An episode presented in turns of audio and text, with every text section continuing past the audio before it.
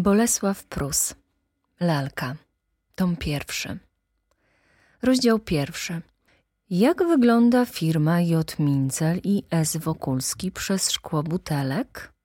W początkach roku 1878, kiedy świat polityczny zajmował się pokojem sanstefańskim, wyborem nowego papieża albo szansami europejskiej wojny, Warszawscy kupcy, tudzież inteligencja pewnej okolicy krakowskiego przedmieścia, niemniej gorąco interesowała się przyszłością galanteryjnego sklepu pod firmą Jotmincel i S. Wokulski. W renomowanej jadłodajni, gdzie na wieczorną przekąskę zbierali się właściciele składów bielizny i składów win, fabrykanci powozów i kapeluszy, poważni ojcowie rodzin utrzymujący się z własnych funduszów – i posiadacze kamienic bez zajęcia, równie dużo mówiono o uzbrojeniach Anglii, jak o firmie J. Mincel i S. Wokulski.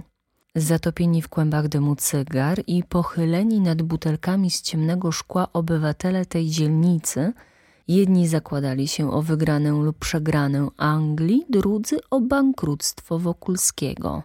Jedni nazywali geniuszem Bismarcka, drudzy awanturnikiem Wokulskiego. Jedni krytykowali postępowanie prezydenta McMahona, inni twierdzili, że Wokulski jest zdecydowanym wariatem, jeżeli nie czymś gorszym. Pan Deklewski, fabrykant powozów, który majątek i stanowisko zawdzięczał wytrwałej pracy w jednym fachu, tudzież radca Węgrowicz, który od dwudziestu lat był członkiem, opiekunem jednego i tego samego Towarzystwa Dobroczynności, znali S. Wokulskiego najdawniej i najgłośniej przepowiadali mu ruinę. Na ruinie bowiem i niewypłacalności, mówił pan Deklewski, musi skończyć człowiek, który nie pilnuje się jednego fachu i nie umie uszanować darów łaskawej fortuny. Zaś radca Węgrowicz po każdej również głębokiej sentencji swego przyjaciela dodawał wariat, wariat, awanturnik. Juziu, przynieś no jeszcze piwa. A która to butelka? Szósta, panie radco, służę piorunem, odpowiadał Juzio. Już szósta. Jak ten czas leci? Wariat, wariat, mruczał radca Węgrowicz. Dla osób posilających się w tej, co radca jadłodajni, dla jej właściciela, subiektów i chłopców, przyczyny klęsk mających paść na S. Wokulskiego i jego sklep galanteryjny były tak jasne, jak gazowe płomyki oświetlające zakład. Przyczyny te tkwiły w niespokojnym charakterze, w awanturniczym życiu, zresztą w najświeższym postępku człowieka, który mając w ręku pewny kawałek chleba i możność uczęszczania do tej oto tak przyzwoitej restauracji, dobrowolnie wyrzekł się restauracji. Sklep zostawił na opatrzności boskiej, a sam z całą gotówką odziedziczoną po żonie pojechał na turecką wojnę robić majątek. A może go i zrobi? Dostawy dla wojska to gruby interes, wtrącił pan Szprot, agent handlowy, który bywał tu rzadkim gościem. Nic nie zrobi, odparł pan Deklewski. A tymczasem porządny sklep diabli wezmą. Na dostawach bogacą się tylko Żydzi i Niemcy. Nasi do tego nie mają głowy. A może Wokulski ma głowę? Wariat, wariat, mruknął radca. Podaj no, Juziu, piwa. Która to? Siódma buteleczka, panie radco, służę piorunem. Już siódma. Jak ten czas leci, jak ten czas leci. Ajent handlowy, który z obowiązków stanowiska potrzebował mieć o kupcach wiadomości wszechstronne i wyczerpujące, przeniósł swoją butelkę i szklankę do stołu radcy i topiąc słodkie wejrzenie w jego załzawionych oczach, spytał zniżonym głosem. Przepraszam, ale Dlaczego pan radca nazywa Wokulskiego wariatem? Może mogę służyć cygarkiem.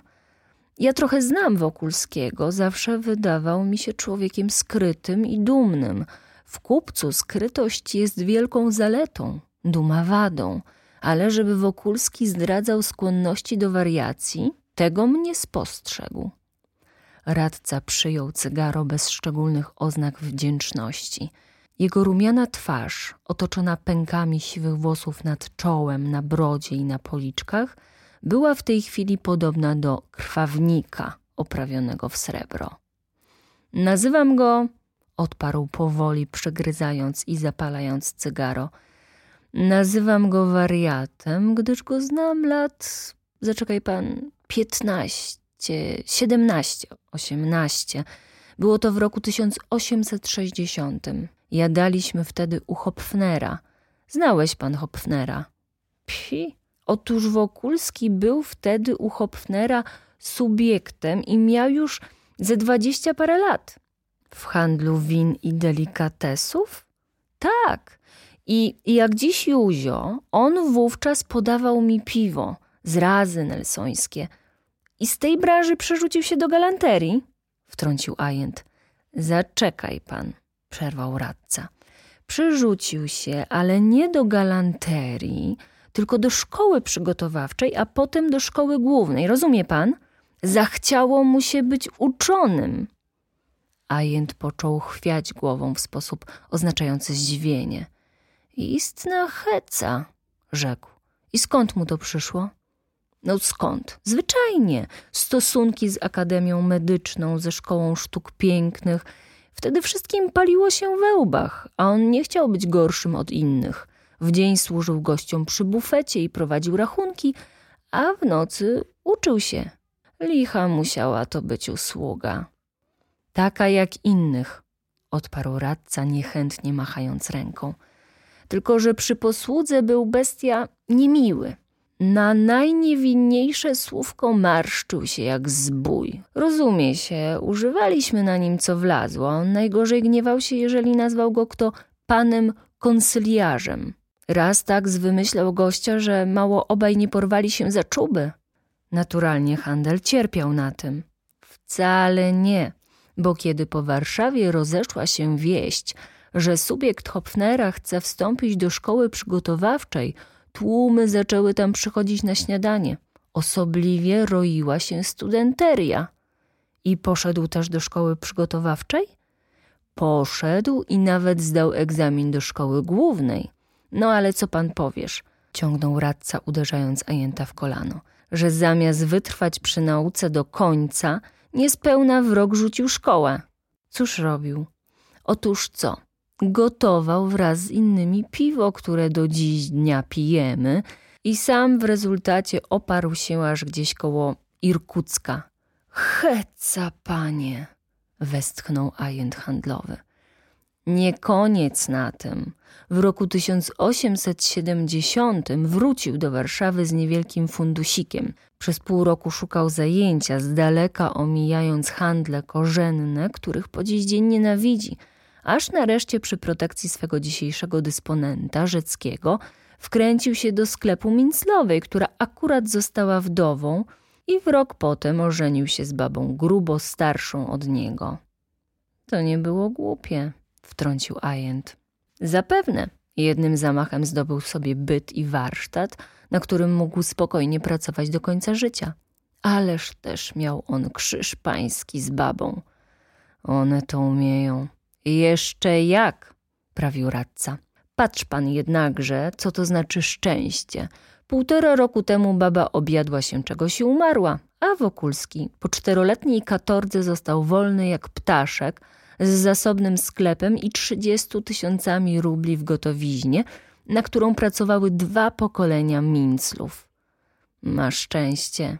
Miał, poprawił radca, ale go nie uszanował. Inny na jego miejscu żeniłby się z jaką uczciwą panienką i żyłby w dostatkach, bo co to panie dziś znaczy sklep z reputacją i w doskonałym punkcie. Ten jednak wariat rzucił wszystko i pojechał robić interesa na wojnie. Milionów mu się zachciało, czy jego diabła. Może je będzie miał, odezwał się ajent. Ehe, żachnął się radca. Daj no Juziu piwa. Myślisz pan, że w Turcji znajdzie jeszcze bogatszą babę aniżeli nieboszczka Minclowa? Juziu! Służę piorunem, jedzie ósma. Ósma, powtórzył radca. To być nie może. Zaraz, Przedtem była szósta, potem siódma, mruczał zasłaniając twarz dłonią. Może być, że ósma. Jak ten czas leci? Mimo posępne wróżby ludzi trzeźwo patrzących na rzeczy, sklep galanteryjny pod firmą J. Mincal i S. Wokulski nie tylko nie upadł, ale nawet robił dobre interesa. Publiczność zaciekawiona pogłoskami o bankructwie coraz liczniej odwiedzała magazyn. Od chwili zaś, kiedy Wokulski opuścił Warszawę, zaczęli zgłaszać się po towar kupcy rosyjscy.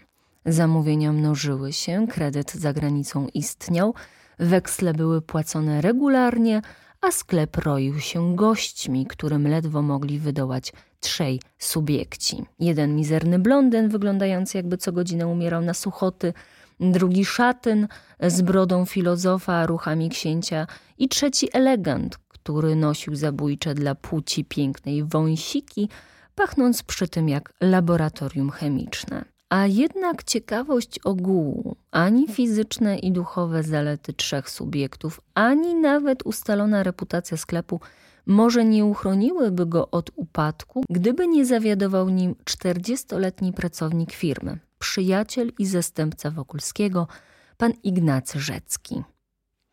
Koniec rozdziału pierwszego. Ciąg dalszy nastąpi.